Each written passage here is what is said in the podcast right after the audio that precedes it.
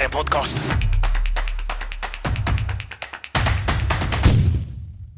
Hej och välkommen till Marknadssoffan med mig, Stefan, och den eminente Erika McKenzie. Ja, herregud. Vilken entré jag fick. Eller hur? Och vet du vad jag tror, Erika? Jag tror att när jag säger ditt efternamn nu, för det är första gången folk hör det i den här podden, så tänker de. Mackenzie? Är hon från USA, Australien, Nya Zeeland? Och inget av det är sant. Nej. Faktum är ju att du har importerat en make från det. Australien och tagit Det hans efternamn, eller hur? Ja, ja, det stämmer. Det stämmer. Jag, jag har eh, inget häftigt som är liksom coolt eller eh, så här, internationellt om mig. Jag är ju en riktig svennebanan som bor ute på landet. Liksom. Eh, men precis, importerat eh, någonting exotiskt från Australien. Och jag kommer ihåg, eller det kanske jag inte gör, men jag har ett vagt minne av att du har berättat hur ni träffades. Och jag, jag ska berätta för dig hur jag minns det. Så kan ju du säga om det är sant eller inte. Men Okej. jag har en bild av att du flyttade till Australien när du var, vad, 20 typ? Ja, 19. 19. Eh, och i princip första eller andra veckan du var där så gick du in på förs- första baren du gick in på, första personen du gick fram och pratade med var din man. Är det sant? Inte riktigt, men nästan. Ja, det är nästan. Eh, det var, jag hade varit i, i Australien, i Sydney, ett par veckor, precis över nyår, där alla andra i hela världen var. typ. Och då Sydney eh, inte riktigt gick som det planerat så tog jag första eh, planet till Brisbane, vilket är också på östkusten och en av de stora städerna. Ehm, och där var det mer precis som du beskrev. Ehm, jag bodde ju på en backpackerställe och de hade ju two for ones eller någonting i den stilen. Så det var ju rakt ner i baren som en 19-åring på backpackernivå. Liksom. Mm. Och det var ju där som jag träffade min kära man. Och det var inte kanske den riktigt första bästa, men det var definitivt den bästa, eh, måste jag ju säga. Och det här är då nästan 14 år sedan. Mm. Men jag tycker att när, de, när Hollywood kontaktar dig för att göra film av ditt liv så berätta min historia istället. Ja, det är rätt. Det är en mer dramatisk effekt. Ja, men jag tänkte att det kan vara kul eh, för de som lyssnar att få veta lite om dig. Det var lite därför jag gick in på det här spåret. Eh, och eh, jag tänker så här, eh, en ganska tråkig sak om mig själv då, om jag ska lägga, ta fram någonting om mig, det är att jag tycker om att träna. Ja. Det jag har utmaningar med är planera kosten, för det tycker jag är så inåt skogen tråkigt Mm. eh, veckoplanera, handla mat. Ugh, det är det värsta. Eh, och sen när man tränar så, och tränar seriöst, då handlar det ofta om att räkna, inte bara kalorier, men det handlar ju om att räkna makros, alltså protein, fett, kolhydrater. Och det är ju ett aber att sitta med ett recept och bara "Ah, 500 gram nötfärs, eh, t- 200 gram kikärtor och så ska man sitta och räkna alla de här grejerna. Man sitter med stora Excel-ark eh, och försöker få reda på det här. Men då insåg jag någonting häromdagen. Som många andra har insett, eh, för de är smartare än mig, men som jag insåg nyligen. Eh, och det är om jag bara slänger in receptet i ChatGPT och så säger jag What's up ChatGPT? Ge mig alla, ge mig kalori, calorie count och alla makros Oh. för det här receptet. Och den, de bara listar allting. Så den gör allt jobbet åt mig. Nej, men alltså hur klarar vi att leva utan ChatGPT, Ja, Stefan? det är ju extremt tidsbesparande i vissa fall. Och det, det är ju ett exempel på hur jag använder det privat. Ja. Nu, med Ja. allt jag gör. Den här Ja. moroten, vad är det? Hur många, många gram fett har den? Mm. Alltså, lite galen tycker jag att det låter, för att vara helt ärlig. Mm. Eh, alltså, jag, jag har ju känt det nu i fyra och ett halvt år där kring. Så att, eh, jag vet ju att alltid du har varit lite träningsfreak, eller kanske lite galen. Eh, du kör allt full in. Eh, och det är ju jätte eh, från en person som mig som aldrig i livet skulle räkna en kalori. Det har jag inget intresse av. Men det visar ju bara på hur dedikerad och målorienterad du är. Eh, men jag skulle ju säga så här, äh, sluta räkna på det där. Du har andra viktigare saker i ditt liv. Och då ska du äta gott, det du vill äta, och så tränar du när du vill. Typ så. Ja, nej, men det, det, det, det är rimligt. Det gäller ju att inte, inte bli för eh, obsessed ja. med, med olika saker. Och jag har kanske en tendens att bli det lite grann. Ja. Det, det, det, det, det, kan jag erkänna.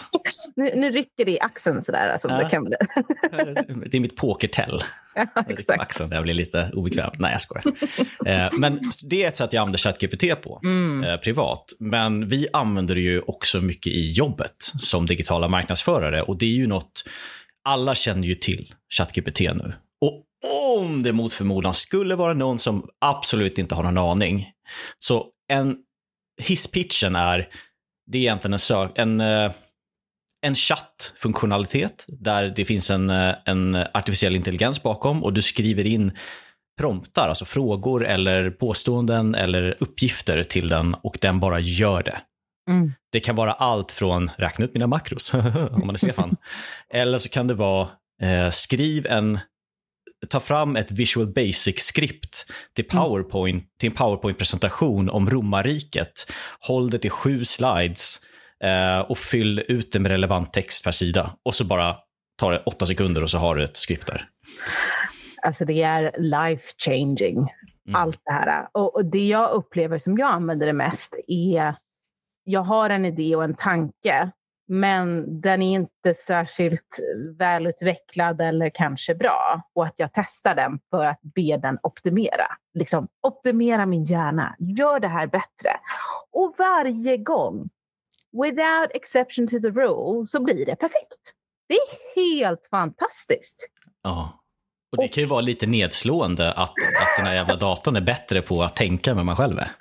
Äh, jag, jag, upplever inte så. Jag tänker så här, jag tänker som när du och jag sitter och arbetar med varandra. Mm. Vi tillför olika saker. Och jag kanske inte kommer hela vägen in i kaklet, men då kompenserar man med varandra. Så jag tänker att istället för att sitta då eh, jag och Stefan och bolla en idé, då sitter jag med min kära ChatGPT. Inte lika trevlig att sitta och prata med såklart, eh, men jag tycker att det har med det här äh, att inte sitta ensam och liksom allt hänger på dina axlar att komma på. Mm. Jag älskar det. Ja, jag tycker också att det är jättevärdefullt. Mm. Eh, men jag tänker att om det skulle vara så att det finns marknadsförare där ute som lyssnar på den här podden, ehm, som känner att okej, okay, men hur ska jag använda ChatGPT? Eller så här, vad är det bra för? Om du skulle säga, med så att säga tre mm. olika användningsområden inom just digital marknadsföring där mm. du har använt och där du tycker att ChatGPT verkligen eh, är fantastiskt bra? Eh, då skulle jag säga eh, optimering av större, längre texter där man har lite grann av en bakgrund av vem är det som ska läsa den här bloggposten till exempel. Är det en, eh, en viss persona så beskriv den så mycket som möjligt för eh, ChatGPT. Vart någonstans kommer eh, den här finnas? Finns den på hemsidan eller kommer det finnas på liksom, en betald annonsplattform eller liknande så att den förstår forumet? Och sen så beskriv lite grann i vilket format som du vill ha texten. Så skriv i H1, H2, H3. Nu behöver man lite bakgrund, men liksom i olika rubrikstandards kan man väl säga. Eh, och gärna också hur lång som du skulle vilja ha den. Eh, för då får du en bättre first, eh, första leverans egentligen, istället för att prompta den flertal gånger. Eh, så det skulle jag säga. Eh, sen skulle jag också säga att göra lite market research. Så när man eh, ska gå mot ett nytt typ av segment eller träffar en ny kund som vi gör när vi träffar nya kunder, att man kan bolla och förstå vad behovet kan vara för eh, segmentet så att man får lite mer eh, bakgrund. Eh, sen så använder jag den väldigt mycket för att komma fram ehm, till olika behov av en specifik målmarknad. Försöker få in det här, eh, vad, ja, men vad, är, vad är rädslan för den här eh, personen till exempel? Eller vad är drivkraften för den här personen?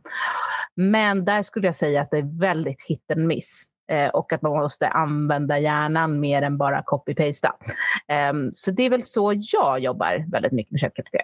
Hur använder du det, Stefan, förutom då eh, räkna kalorier? Um, jag skulle säga så här, jag har ju varit lite in, jag har haft lite interna motstridigheter till Mhm. användare. Mm. Eh, för att jag har tänkt att, men jag tror att jag kan göra det bättre Ja. i många fall. Mm. Och jag tänker att när jag skriver det så eh, är det mer personligt och att folk kommer kunna märka av att det är en, en AI som har skrivit en text till exempel. Just det. Eh, så upplever jag inte att det är om man ställer frågan på, eller eh, formulerar uppgiften till den på rätt sätt. För du kan ju säga saker som, som du sa, att skriva en, en bloggtext eller liknande. Mm. Eh, Då kan du säga så att du är en expert inom det här området och talar till den här personen. Den, den här texten kommer publiceras på en blogg. Ja, du kan göra en jätte, jätte, ganska lång, avancerad instruktion som gör det verkligen oigen, alltså du kan inte skilja på om det är en människa eller en AI som har skrivit. Men jag tror att hur jag använder det mest, det är dels när jag kommer in på nya kunder, Mm. så kan det vara så att man frågar eh, vilka är era största konkurrenter? Mm. Man vill se hur de skiljer sig i erbjudande, produkter, Mm. eh, allt, vad, vad kör konkurrenterna för typ av annonser, hur lyfter de fram sitt varumärke och vad funkar för dem? Men det är ofta så får man svaret typ en, två olika konkurrenter, de absolut, absolut största. Eh, och det är lite lite att gå på, för oftast så jobbar man, om, om vi jobbar med ett företag inom, inte vet jag, eh, eh, eh rapporteringsmjukvara till exempel. Men det de säger deras konkurrent är Microsoft. För Microsoft har Excel. Det är liksom inte applicerbart att titta på Microsofts hemsida och säga så här, ja men så här gör de. Ehm, så det jag brukar göra är att jag brukar be uh, ChatGPT ta fram en lista på relevanta konkurrenter inom specifika produktsegment som den här kunden har. Eh, Så jag får färdiga listor och sen använder jag den listan då för att fortsätta göra research på de konkurrenterna. Det är ett sätt jag använder det på. Ett annat är att ta fram förslag på rubriker, Mm. um, som du sa, för olika texter. För den är oftast ganska bra på att ge inspiration. Även om jag ofta skriver om dem, jag formulerar om dem, jag tar en annan vinkel. Så att, att bara få det här matat, så här är tio, tio underrubriker till den här bloggposten. Eh, det är ju väldigt värdefullt, för att det får mig att tänka så här, just det, det där hade jag faktiskt inte tänkt på. Att det är faktiskt en bra vinkel att ta. Eh, och sen mycket för att ta fram eh, grunden för annonser, annonstexter och annonsrubriker.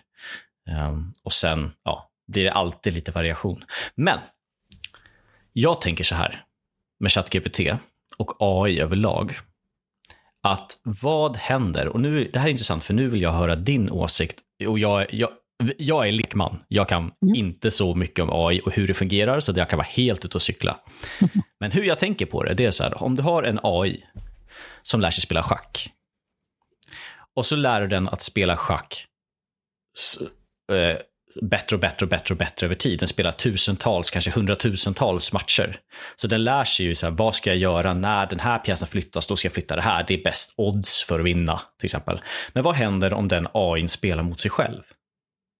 Sen. När den har blivit så pass bra att den liksom inte längre lär sig mer om spelet. Den har liksom gått igenom, näst, inte alla kombinationer, men tillräckligt många kombinationer för att var exceptionellt duktig, ingen människa kan slå den. När den börjar spela mot sig själv i schack, då tänker jag att den, den som kommer vinna är alltid den som gör första draget. För att de kommer alltid tänka exakt likadant. Och det, så tänker jag med att det kanske är risken med för mycket AI-genererat content. Om du sätter en AI på att ta fram Google Ads-annonser och sen har du en konkurrent som använder samma AI för att ta fram Google Ads-annonser. Kommer det inte vara så att det kommer vara väldigt svårt för Google att avgöra vem av er som ska hamna på plats ett, därför att ni har i princip samma quality score. Ni har liksom i princip, ni har, alla har det bästa, mest optimerade, mest eh, konverteringsvänliga och klickvänliga texterna. Vad händer då när, när, när AI på ett sätt börjar kämpa mot sig själv, samma med SEO. Om alla börjar skriva SEO med ChatGPT, eller texter Mm. med ChatGPT, vad händer sen om man inte lägger på en mänsklig touch på det? Jätteintressant. Och för, och för mig att bara, hmm, vad är frågan egentligen? Eh, nej men eh, det som är det intressanta är ju att mottagaren än så länge är mänsklig. Och våra val är till en del förutsägbara. Det är därför vi har conversion um, optimization eller ja, alltså verkligen. Mm, vi är maskiner i mänsklig form. Um, men på grund av att våra beteenden inte riktigt är totalt förutsägbara så skulle jag säga att det är det som är joker i det. Um, alltså att när vi då skapar de här superoptimerade alltihopa och alla är optimerade nog, då är det fortfarande mottagaren som ska ta beslutet av vilket. Mm. Um, och det kommer alltid, eller oftast göras baserat på en igenkännlighetsfaktor generellt som vi känner till det. Det är därför som vi jobbar så mycket med varumärkesbyggande till exempel. Att här, här känner jag igen Klarna istället för eh, ja, en annan eh, SCB, låt oss säga. Um, så att det är därför det som blir så himla mycket lättare för mig att känna, ja, jag känner igen dig som varumärke. Så jag tror att det, det kommer bli en annan typ av dimension av att anknyta ett varumärke till en känsla kanske. Istället för att här är relevant innehåll. För det kommer finnas överallt. Och till slut så tror jag inte att man kommer vara lika mottaglig mot relevant innehåll utan att man googlar eller chatgptar det man vill veta. Och sen så blir sin egen värld kanske lite mindre för att man tar reda, bara tar reda på det som är relevant för mig. Um, men ja, det, så det, men det är otroligt vilken möjlighet men också vilket hot som vi står framför, framförallt som digitala marknadsförare um, med ChatGPT och AI. Är det någonting som du har reflekterat kring? Ja, men jag tänker till den här frågan när eh, AI blir smartare och smartare och smartare. Mm. Är det någonting som du känner att så här, ah, det här är lite läskigt? Nej, men det jag tänkte på var ju faktiskt lite det som du var inne på nu, att, mm. att om innehållet i princip är identiskt i annonser, om allting mm. är optimerat, då kommer det ju ner till dels no, varumärket. Alltså att man bygger varumärket. Och, och, för att göra det krävs det en väldigt, väldigt genomtänkt eh, strategi. Så att det jag tror kommer vara viktigare i framtiden är strategi, bygga varumärke, ta hand om kunder. För det AI inte kan göra utan att fuska är ju att skapa word of mouth. Exakt. Och det kommer nog vara ännu viktigare. Och jag, jag, jag tror också att uh, det kommer, ja, när annonserna är identiska, då kommer varumärke vara det som, som, som driver det. Och jag mm. tror att vi kommer behöva lägga mer tid på, på just strategi. Då. Nu mm. upprepar mm. jag mig lite, men, men jag, jag tror du har rätt.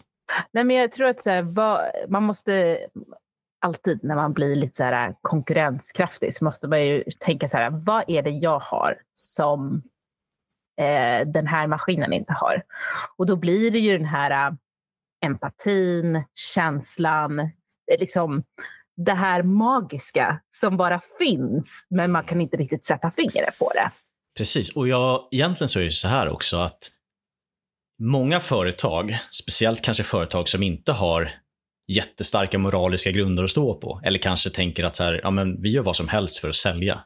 Mm. Eh, de kan ju i dagsläget använda olika typer av knep för att lura in folk um, att, att bli kunder. Men när det, the playing field gets leveled, eller man säger att så här, ja, men nu är det enkelt för alla att pusha ut det här meddelandet och ha det här optimerade. Annars kanske de här företagen bara, men vi slänger pengar på ett företag som är experter på att ta fram annonstexter som får folk att klicka och landningssidor som får folk att konvertera. Men de tar inte hand om sina kunder. Eller de, de har inget bra varumärke, de, är, de greenwashar. Eller de, de lever inte som de lär. Det är inte ärligt, det är inte, de har inget koll på sitt why. Eller why är kanske inte något som, som kunden egentligen linjerar med. Um, så tror jag absolut att varumärket kommer spela stor roll, för de kommer inte ha samma edge längre. För det kommer bli mycket mer transparent eh, vilka som är värda att göra affärer med. Just det. Vilka man, man liksom identifierar sig med. Mm. Så det är intressant. Det är jätteintressant. Vad tror du, ser du någon, eh, något hot mot, mot inte mot dig nödvändigtvis, men mot rollen som digital marknadsförare. Hur tror du att den kommer förändras för oss eh, i och med AI? Jag tror att eh, det kommer förändras jättemycket. Jag tror att vår operativa roll av att här, sätta upp det här och göra grejer kommer försvinna mer och mer. Det blir liksom en mekanism som bara sker rent automatiskt med rätt prompt egentligen. Jag tror att det kommer bli som ett, att man sätter upp ett workflow i ett marketing automation system. Det bara görs med rätt kopplingar. Ehm, så det, eh, det ser jag fram emot en dag. Ehm, det som jag tror att det kommer bli viktigt är att förstå hur man utnyttjar AI till sin fördel och att man inte bara liksom, litar på den här kära ChatGPT utan att man kan utnyttja det korrekt och också att man vet när man ska göra. Det strategiska kommer fortfarande vara superviktigt. Um, men det viktiga blir ju liksom ja, men ChatGPT skapar en marknadsplan Jättebra, men hur implementerar det och vad? Och eh, applicera på den här specifika marknaden och applicera på de här typerna av hoten eller möjligheterna. Eh, så det finns många ifs and buts och det är väl där jag tänker erfarenhet från en marknadsförare kommer in som blir viktig. Mm. Vad tror du eh, är liksom det som vi behöver vara medvetna om som kanske kan um, bidra till effekten av förändring för oss? Jag tror att många uppgifter som vi gör idag kommer att vara AI-styrda. Mm. Men som du säger så är det fortfarande vi som kommer vara förarna för AI-styrda under en lång tid framöver. Jag vet inte hur det ser ut om tio år. Då kanske det är, vill du ha marknadskampanj, tryck på den här knappen. Vill du ha en Google Ads-kampanj, tryck på den här knappen. Och så är de integrerade till systemen och sätter upp allting baserat på din hemsida och liksom budskap och produkter. Så kan det vara. Men jag tror att vi kommer att få en mycket mer strategisk roll och jag tror att konsumentbeteende kommer vara ett fält där man behöver verkligen utveckla sina kunskaper. För att det AI har svårt att göra, att den kan ju den kan sätta ihop information, den kan generera ny information, men allting är baserat på information som finns tillgänglig på nätet. Eh, det den inte kan göra är att förstå hur människor tänker och agerar. Och där tror jag att vi kommer behöva bli ex verkligen exceptionellt duktiga. Mm.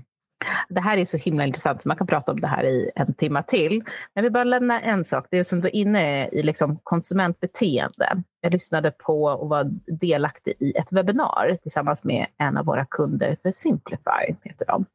Och de hade ett webbinar om conversion rate optimization och hur man utför ett, ett test på ens hemsida. Och hur man kan se från en kund till en annan att resultatet blir totalt annorlunda, just baserat på att man har en annan typ av målgrupp. Och det är det jag tänker på, det som vi med AI, den samlar ju massa data. Men än så länge i alla fall, så är den inte tillräckligt intelligent av att säga så här, eh, marknadssegmentet för B2B, den svarar så här eh, på deras beteende. Så här ska du applicera conversion rate optimization och så vidare. Och så vidare. Det kan ju bli så eh, om kanske 10 år eller 20 år eller 55 år eh, så blir den tillräckligt intelligent att applicera just det. Eh, men det, där har vi någonting som är väldigt intressant. Mm. Eh, customer behavior. Och jag tror man måste anpassa sig i takt med att AI utvecklas. Det går mm. inte att säga att AI kommer inte kunna göra strategi. AI kommer inte kunna förutse hur människor kommer bete sig på olika sätt, utan det är mycket möjligt att det kommer. Men mm. vi får ta liksom en chunk med tid i taget. Så de närmsta fem åren så fokuserar vi på konsumentbeteende, strategi, de sakerna som på något sätt man behöver få, förstå det mänskliga psyket för att göra.